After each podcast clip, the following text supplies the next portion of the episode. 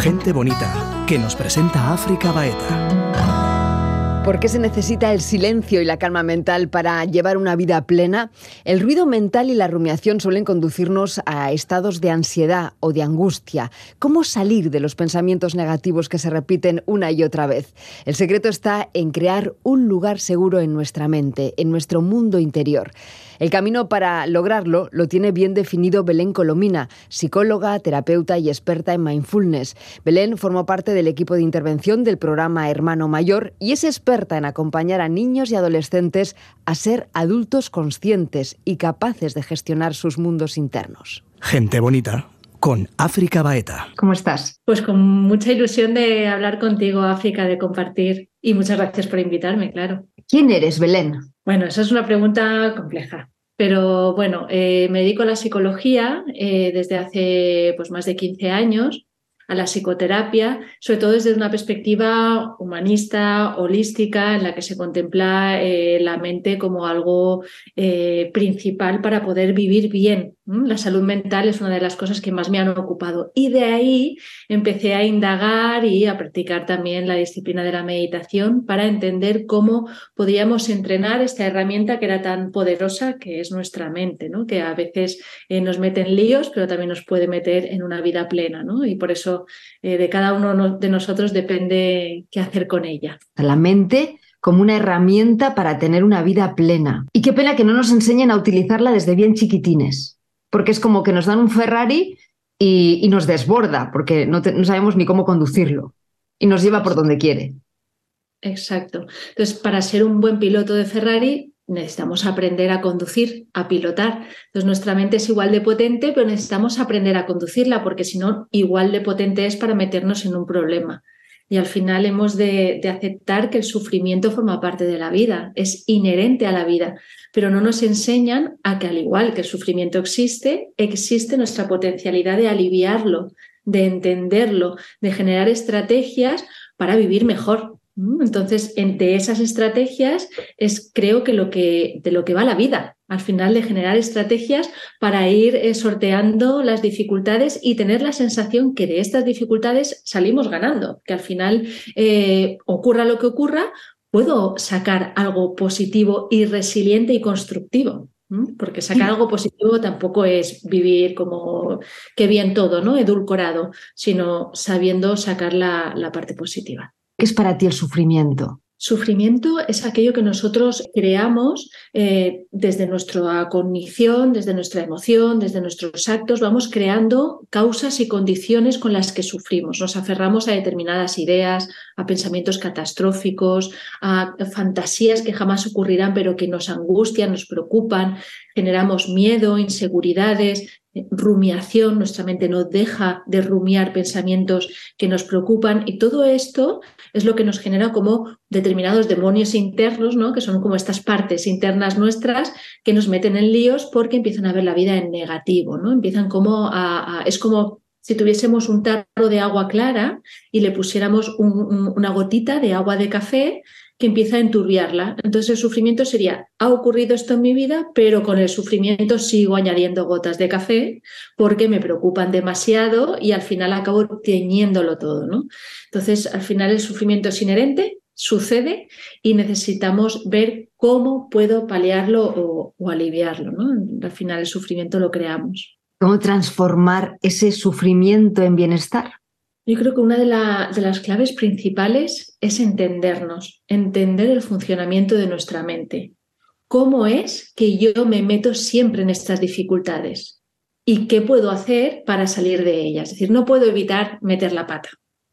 La metemos. La historia es cómo hacer para hacerme un especialista en sacarla en poder hacer la estrategia para, bueno, eh, reparar cada una de las dificultades, obstáculos que tengo en mi vida. No querer que mi vida sea perfecta, que es uno de los errores que nos lleva a un mayor sufrimiento, porque nos aferramos a la idea de que, ¿por qué a mí? A mí me tiene que ocurrir todo lo bueno. ¿Por qué me ocurre a mí esta dificultad? ¿O por qué yo he enfermado? ¿O por qué ocurre esto? ¿Por qué a mí?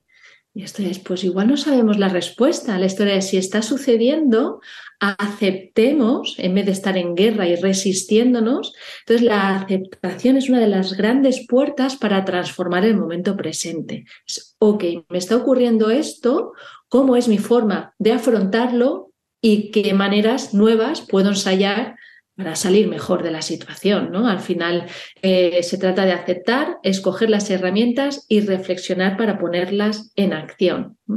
Y no tanto desde la reactividad o desde la guerra, ¿no? de que esto no debería ser así. Antes de seguir profundizando en, los beneficios de la, meditación y en definitiva del autoconocimiento, de saber cómo funciona nuestra mente, eh, a mí una de las grandes cosas que me provocan admiración en ti es todo el trabajo que haces con niños y con adolescentes. Y qué importante es a edades tan tempranas enseñarles a utilizar la mente. Creo que es una de las claves eh, fundamentales que necesitamos seguir incorporando. Llevar todo este trabajo a los niños y a los adolescentes, porque es en esa edad donde son esponjas y donde pueden aprender cualquier estrategia y recurso. Es como lo que ha sucedido con las emociones, que al final ya ha llegado la inteligencia emocional a poderse tratar en las aulas, a poderse tratar en casa y entonces hemos avanzado un montón en esto. Pues en el entendimiento de la mente y del sufrimiento sucede igual. En vez de generar las estrategias de revelarse hacia el mundo o una estrategia de ansiedad, de estar continuamente en preocupaciones o de estar continuamente compitiendo hacia resultados, donde todo esto lo que genera es una baja autoestima, mucha inseguridad, mucha competitividad, en vez de una seguridad interna, un refugio interno. Nuestra mente tiene que ser un lugar seguro, donde yo viva en paz, en calma, sereno y desde ahí pueda seguir mejorando desde mi actitud. Sin embargo, muchas veces desde edades tempranas no les enseñamos a esto. Sin querer queriendo, vamos por ahí y eh, generamos competiciones hacia resultados, eh, juzgamos mucho a los niños y a los adolescentes por su conducta, por su comportamiento y no les enseñamos el lugar hacia donde mirar, que es esa mirada interna hacia la amabilidad, cómo hablarme en positivo, porque muchas veces somos nuestro peor enemigo, nos exigimos y nos hablamos mal y toda esa vocecita empieza ya desde la adolescencia. Empezamos a, criticarnos, a juzgarnos, a, a juzgar nuestro cuerpo, a juzgar nuestras actitudes y desde ahí podemos generar las voces contrarias, estas voces amables, un lugar seguro en nuestra mente que sería como una habitación en la que yo puedo entrar a solucionar mis problemas de una manera constructiva. Y la edad mejor donde hacerlo es en las edades tempranas. Y por eso es imprescindible que el adulto que le acompaña sea un educador que pueda acompañarle a esos lugares que si tú no has ido no puedes acompañarle y por eso al final el cambio del mundo empieza por uno, ¿no? Porque es el lugar desde donde yo puedo mostrarte y lanzarte la mano. Escribiendo en perspectiva, cuando llegamos a determinada edad los adultos, que se requiere, hay algo, hay algo, puede haber una crisis, un momento de sufrimiento, algo que te hace empezar a mirar hacia adentro y darte cuenta de tus patrones, de tus creencias, de tus etiquetas, todo aquello que desde la infancia ha hecho que desarrollemos una personalidad. Y, realmente el niño lo hace porque desea ser querido y piensa que para ser querido necesita ser o hacer lo que los mayores eh, dicen que tiene que hacer o le insinúan que tiene que hacer. Entonces, qué importante es lo que te estás diciendo, ¿no? Eh, desarrollar esas voces amables desde chiquitines para que no pierdan esa autenticidad, no carguen con esas etiquetas que tanto nos pesan cuando llegamos a la edad adulta y sobre todo a la adolescencia. Sí, por eso es, eh, imprescindible que seamos muy conscientes de cada uno de los mensajes que les ofrecemos a los niños y a los adolescentes, cada uno de los mensajes y de la mirada con la cual nos acercamos a ellos. Es una mirada enjuiciadora, una mirada, les etiquetamos mucho, y a la vez les presentamos también un mundo lleno de estímulos, lleno de trampas tecnológicas en las cuales el contacto ya se está perdiendo y nosotros también somos responsables del mundo que les ofrecemos. Entonces hay una parte en la que necesitamos eh, reeducarles en el contacto, en las habilidades sociales, en las personales, en la amabilidad, el cómo tratarnos y sobre todo el cómo tratarse también a uno mismo, ¿no? Con estos mensajes. Y estos mensajes los aprenden de la mirada que nosotros les ofrecemos, ¿no? De esos mensajes que esperamos de ellos, esas expectativas que ponemos sobre ellos, ¿no? Porque muchas veces en la adolescencia les pedimos cosas que ni siquiera nosotros hacemos. Hay que empezar por uno mismo y sobre todo a ellos más que pedirles es enseñarles el camino, acompañarles para que ellos puedan transitarlo aprendiendo a hacerlo. Porque a veces pensamos que saben hacerlo ya y les exigimos algo que es ya una propia trampa para el propio adolescente, ¿no? Que el propio adolescente dice, bueno, enséñame, caminemos juntos y entonces veremos cómo crecemos, ¿no? Porque también sucede una cosa de, ¿no? Cuando el, adolescente está creciendo que ya queremos que sea el adulto que nosotros deseamos y hay mucha resistencia a verlo crecer tal y como es. Entonces es importante acercarnos a ellos para acompañarlos a crecer desde donde son. No hay nada malo en ninguno de nosotros.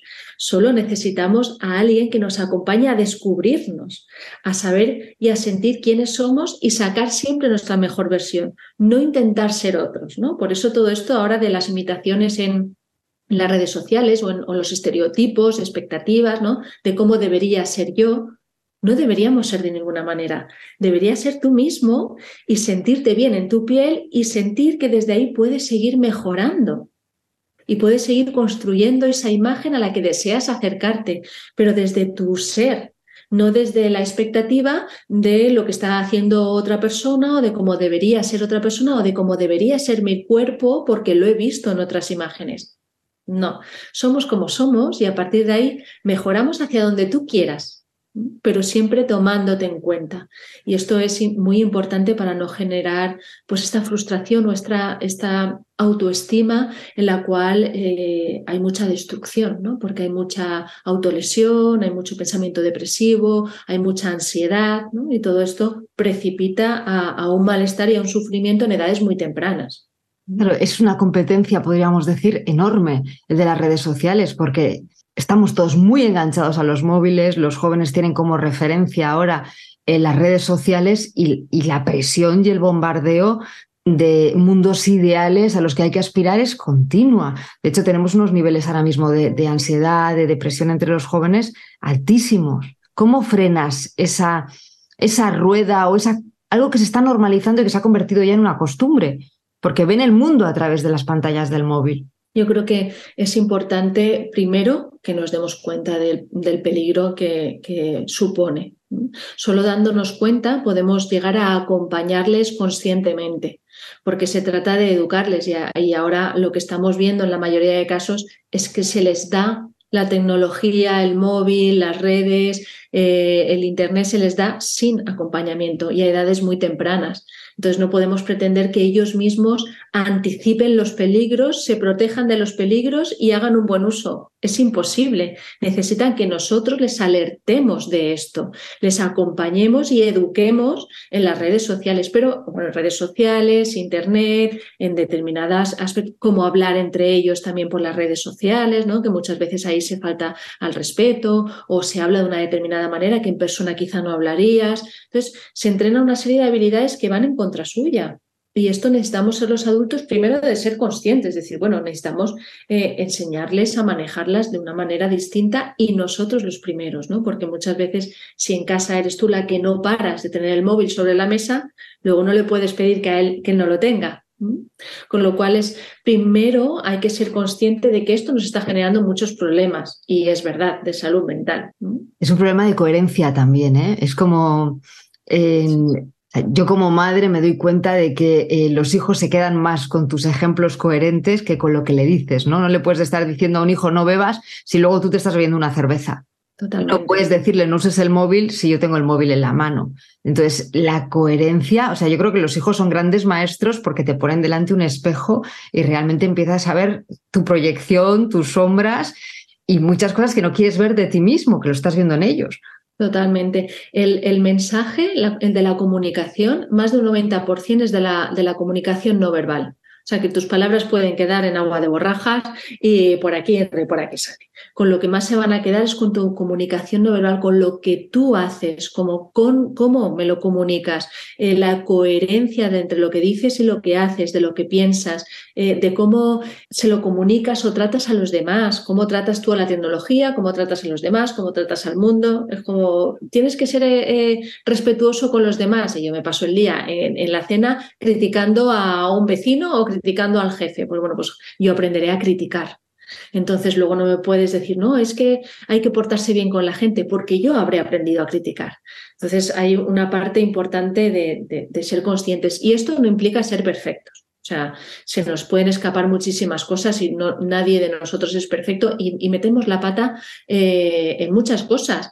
Entonces, ¿qué es lo importante? Darme cuenta, ser consciente. Si yo me doy cuenta de que he cometido un error, pues inmediatamente puedo repararlo. Puedo salir de lo que decía, ¿no? Metemos la pata, pues aprendemos a sacarla. No, igual no hemos podido evitarlo, pero aprendemos a sacarla y vamos aprendiendo. Y él también modelará cómo aprender de los errores. Porque eh, me permito darme cuenta y me permito mejorar.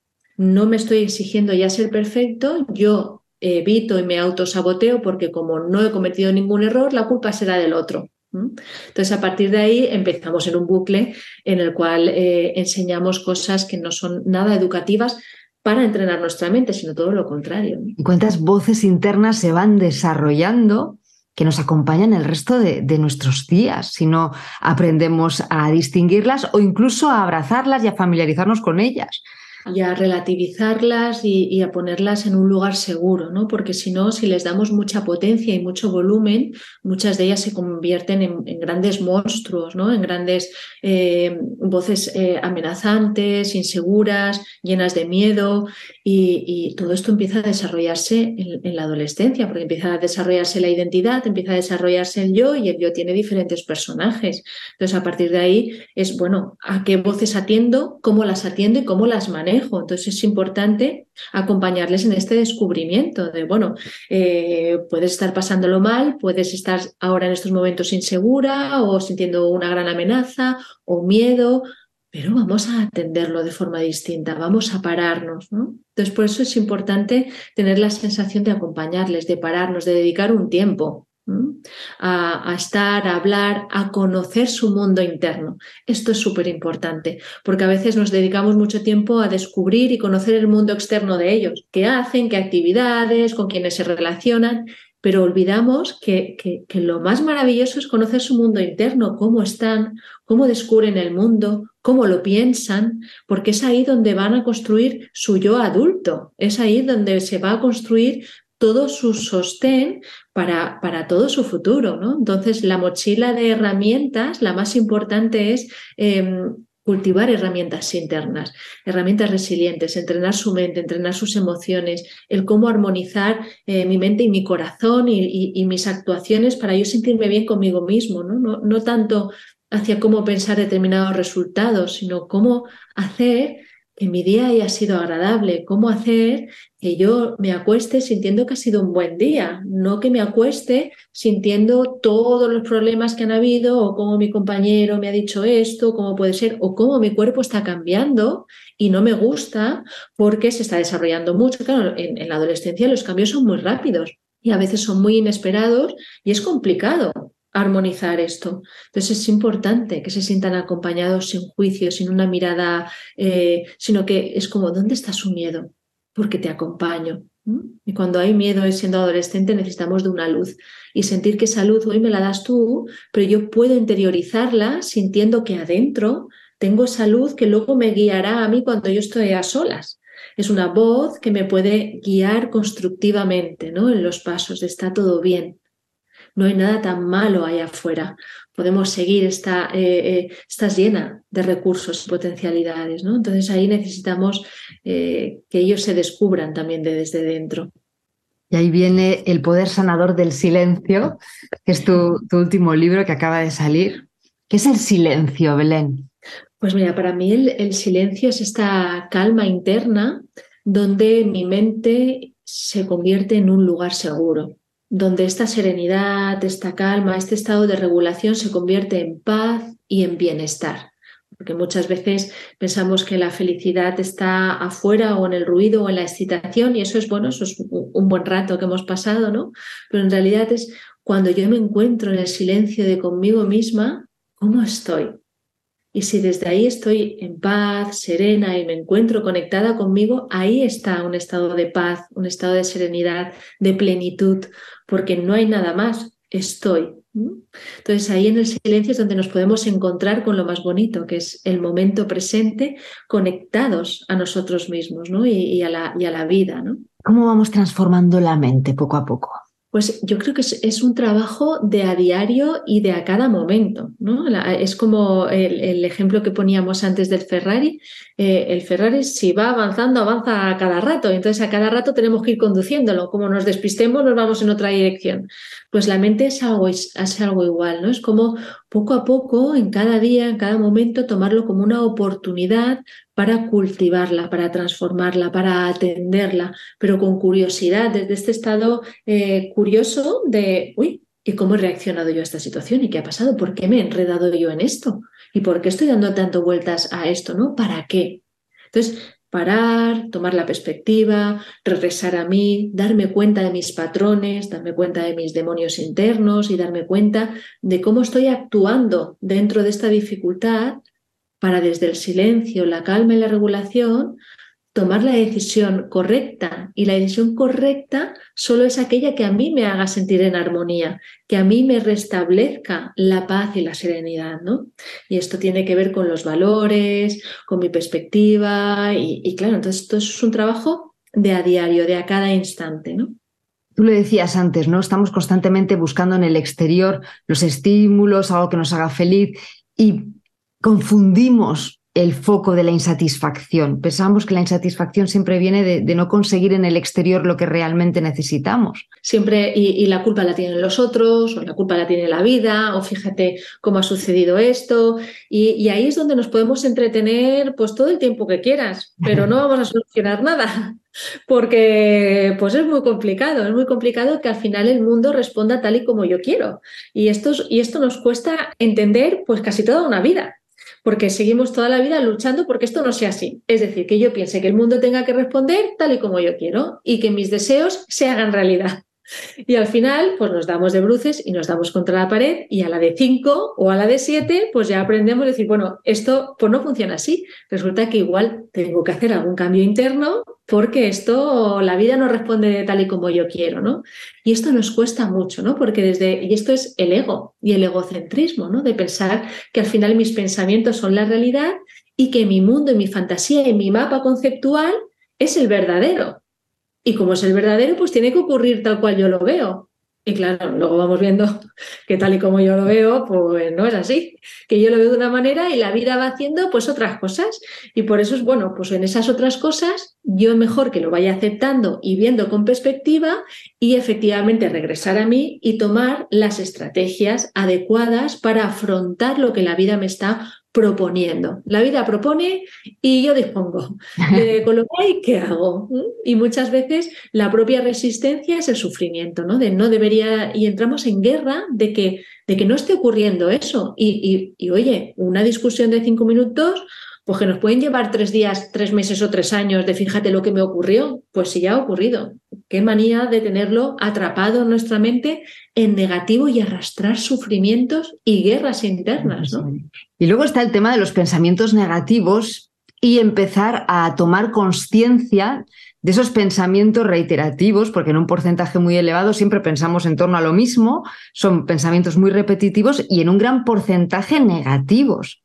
¿Cómo empezar a poner el foco en esos pensamientos que mayoritariamente son negativos y transformarlos? Primero, yo creo que es importante conocer el patrón de cada uno, ¿no? De dónde yo me atrapo y qué fórmula tengo para transformarlos en negativo, de qué manera compro el drama, o de qué manera compro la catástrofe, de qué manera compro la perfección, el idealismo. Es decir, cada uno va teniendo como unos demonios internos, ¿no? que son los que más eh, le convierten la vida como en negativo. Y primero es darme cuenta, ok, esta es mi forma y, a, la que me descuido caigo en ella, interpreto el mundo de esta manera, pero es una interpretación, es la interpretación de mi mapa, con lo cual existen otros muchos mapas. Necesito entender que puedo aprender a interpretar la información de forma distinta, porque nuestra mente lo único que hace es una lectura de lo que ocurre. Ocurren cosas, hay estímulos y yo interpreto porque yo capto la información, tengo una percepción de ella y la interpreto. Entonces, de mí está interpretarla en negativo o interpretarla de tal manera que yo pueda salir ganando, es decir, que pueda desde la aceptación de lo que ocurre interpretarla de una manera constructiva, que no es idealista, no es esta forma de, sé positivo, todo está fenomenal, ah, la vida es, la vida es genial, vívela así. Hombre, no, pues la vida generalmente trae dificultades, trae frustraciones y trae muchos obstáculos. Y ese es el sufrimiento que hemos de aceptar de que la vida trae, ¿no? Y trae enfermedades y trae cosas que no desearías ver, ¿no? Pero desde ahí es, ok, con lo que hay, ¿cómo puedo yo transformarlo de una manera constructiva, resiliente, salir fortalecido de esta? Porque no puedo negar lo que ocurre. Y si lo niego y evito y lo dejo como ahí en la trastienda, como aquí pongo una cortina, lo dejo en la trastienda, esto lo somatizaré. Mi cuerpo hablará, mi emoción lo sacará y convertiré mi vida en un lastre, porque esto irá saliendo en, en, diferentes síntomas, ¿no? Entonces siempre es mejor abrir la cortina, poderlo elaborar, podernos sentir acompañados en estas dificultades y obstáculos y es como, ok, está ocurriendo esto en mi vida, ¿cómo puedo cuidar de mi yo futuro? ¿Cómo puedo establecer las estrategias para que mi yo futuro, mi yo de mañana, esté contento con lo que yo he hecho hoy? ¿Qué puedo hacer para seguir cuidando de mí? Y quizá quedarme en el drama o quedarme en la culpa, o igual no me vale, porque quizá mañana me arrepienta de, todo el día que eché en la queja o en la crítica, ¿no? Entonces quizá me conviene más empezar a aprender a cómo dejar la queja, cómo dejar la crítica, cómo empezar a poder pensar que puedo salir de esta situación de otra manera, ¿no? De una manera constructiva, limpia, llena de estrategias, ¿no? Que también, que, oye, que a veces igual no las conocemos, pues pedimos ayuda, ¿no? Un reflejo en el que, en el que podemos vernos para, para aprender a salir de ellas. Eh, es esencial cuidar los pensamientos, pero también eh, saber dónde ponemos la atención, dónde ponemos el foco. Ahí donde pones la atención, crece. Y es, es, por eso como si empiezo ahora con una crítica, uy, ha sido casual, simplemente, pues mira, me he puesto a criticar como un entretenimiento. Bueno, ya, pero conforme entre tu atención ahí y deposites más tiempo en ella, tu mente está yendo a un pasaje oscuro, es decir, estás haciendo más grande la habitación de las quejas y las críticas, con lo cual luego cuando quieras salir de ella te va a resultar más difícil. Y no olvidemos que aquello que tú piensas y lo que recreas en tu mente es donde tú estás viviendo en estos momentos. Así que si no te gusta el mundo de la crítica, pues deja de pensar en la crítica porque estás viviendo dentro de ella, ¿no? Entonces es como aprender a crear las habitaciones seguras en nuestra mente donde a ti te gustaría vivir. Y si te gustaría que a ti te trataran con amabilidad, quizá tienes que empezar a pensar y crear acciones amables para tú vivir dentro de la amabilidad. Y entonces empezarás a ver la amabilidad. Pero muchas veces vivimos en la crítica y deseamos que el otro me trate con amabilidad, eso sí, pero si yo estoy dentro de esa habitación, caeré muy fácilmente en la trampa de la crítica hacia los demás y hacia mí mismo, ¿no? Porque al final es el triángulo de la emoción, el pensamiento y la conducta. Al final, aquello que pienso y en donde yo deposito más tiempo y atención es lo que llevará a hacer mis actos y mi conducta, y eso me llevará a un tipo de emociones. La crítica no me va a llevar a una felicidad. Es la pregunta que has hecho antes, ¿no? ¿Cómo quiero que sea mi yo futuro? Y empezar a tomar conciencia de que estamos continuamente creando la realidad a partir de nuestra mente. Totalmente, totalmente. Y no es nada mágico, es algo que en realidad eh, nos ocupamos mucho tiempo de hacerlo.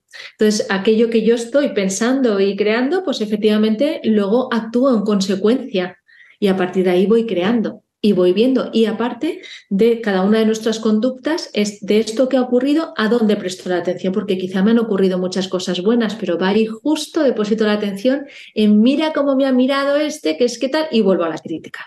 Entonces, allá donde deposito la atención, allá donde yo me recreo mi mente, es lo que al final va a existir dentro de mí. Si yo quiero que mi yo futuro esté feliz, y viva armónico, necesito cuidar de mi presente para que mi atención esté depositada en esta armonía, ¿no? en, este, en este cultivar ese bienestar que yo deseo realmente. Belén, una frase para terminar, lo que tú quieras. Pues que ojalá encontremos todos esa calma y esa armonía interna en la cual cultivar un mundo en el que todos nos podamos encontrar de una manera plena y que nos podamos sonreír y vivir en bienestar y ojalá pueda servir esto para, para muchos. Ojalá sea así, Belén. Muchísimas gracias. A ti, África.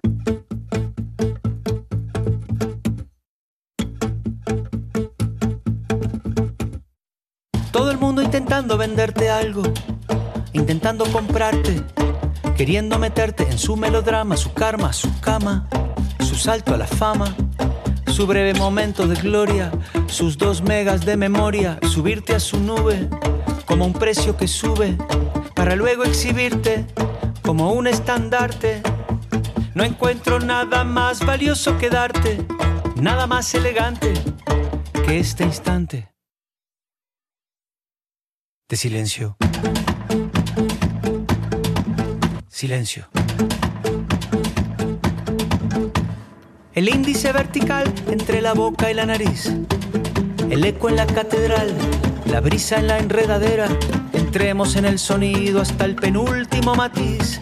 Hagámosle caso al gesto de la foto de la enfermera y cuando el ruido vuelva a saturar la antena y una sirena rompa la noche inclemente no encontraremos nada más pertinente que decirle a la mente, detente. Silencio.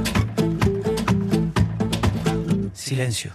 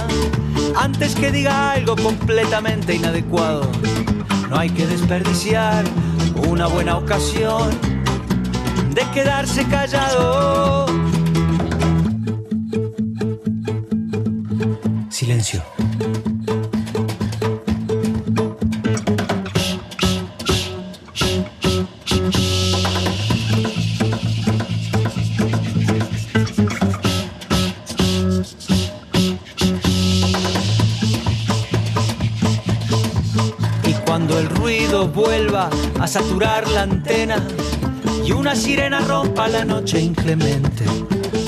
No encontraremos nada más pertinente que decirle a la mente, detente.